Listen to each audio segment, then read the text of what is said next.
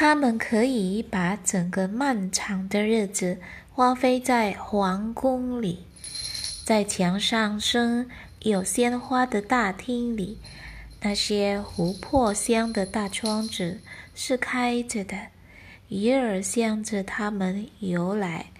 正如我们打开窗子的时候，燕子会飞进来一样。不过，鱼儿一直有像这些小小的公主，在他们的手里找东西吃，让他们来抚摸自己。Mereka bisa bermain-main sepanjang hari di dalam istana. Bunga-bunga segar tumbuh di dinding aula-aulanya yang luas. Jendela-jendela yang terbuat dari batu amber itu terbuka.